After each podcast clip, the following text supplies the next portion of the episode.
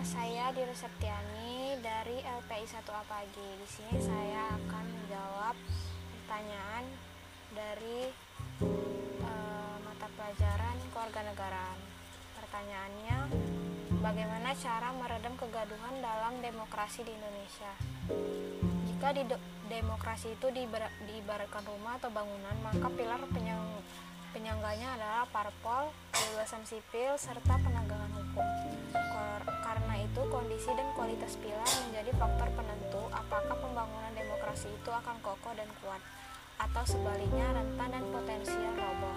Dari refleksi atas perjalanan sejauh ini menunjukkan bahwa ketiga pilar itu sedang mengalami proses perapuan serius. Pertama, sinergitas antar lembaga.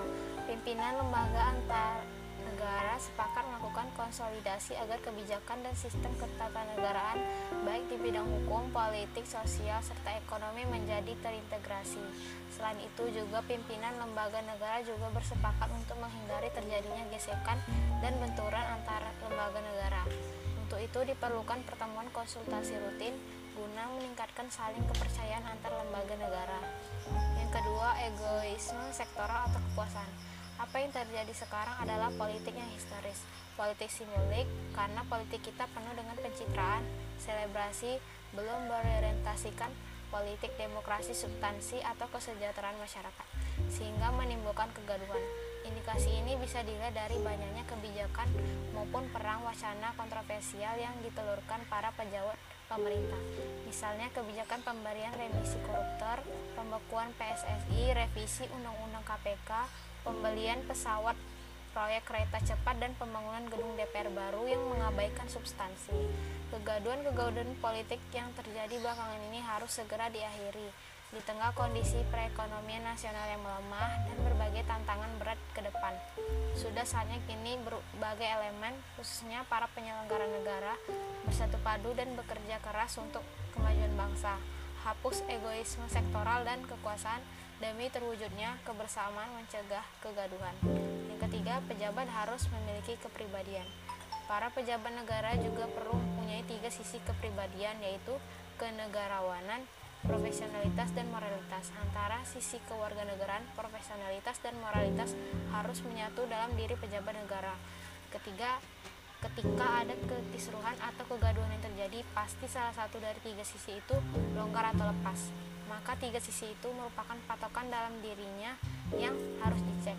Sisi kenegarawanan harus mengharuskan pejabat mendahulukan kepentingan bangsa di atas kepentingan pribadi atau golongannya.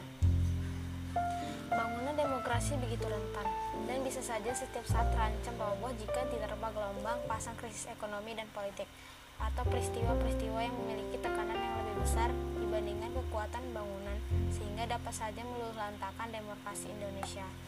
Kalau hingga hari ini kita masih mampu menyelenggarakan pemilu, pemilu kada, persidangan parlemen, serta kerja pemerintahan, namun kesemua itu dapat dianggap bagian saja dari ornamen kelangsungan sistem politik dan pemerintahan yang memasang dilangsungkan secara formal. Padahal demokrasi yang demikian tidak akan menghasilkan tenaga untuk menggapai tujuan bernegara sebagaimana diamanatkan dalam konstitusi. Kita memerlukan demokrasi yang substantif, melampaui dasar melampaui dari sekadar ritual, rutinitas atau instrumentatif belaka. Sekarang solusinya adalah bagaimana menghadirkan corak bernegara yang mampu menjamin sistem pemerintahan akuntabel dan responsif, perlindungan hak-hak negara dari negara, serta penegakan hukum demi mewujudkan keadilan secara nyata. Sekian podcast saya hari ini. Mohon maaf jika ada kesalahan. Wassalamualaikum warahmatullahi wabarakatuh.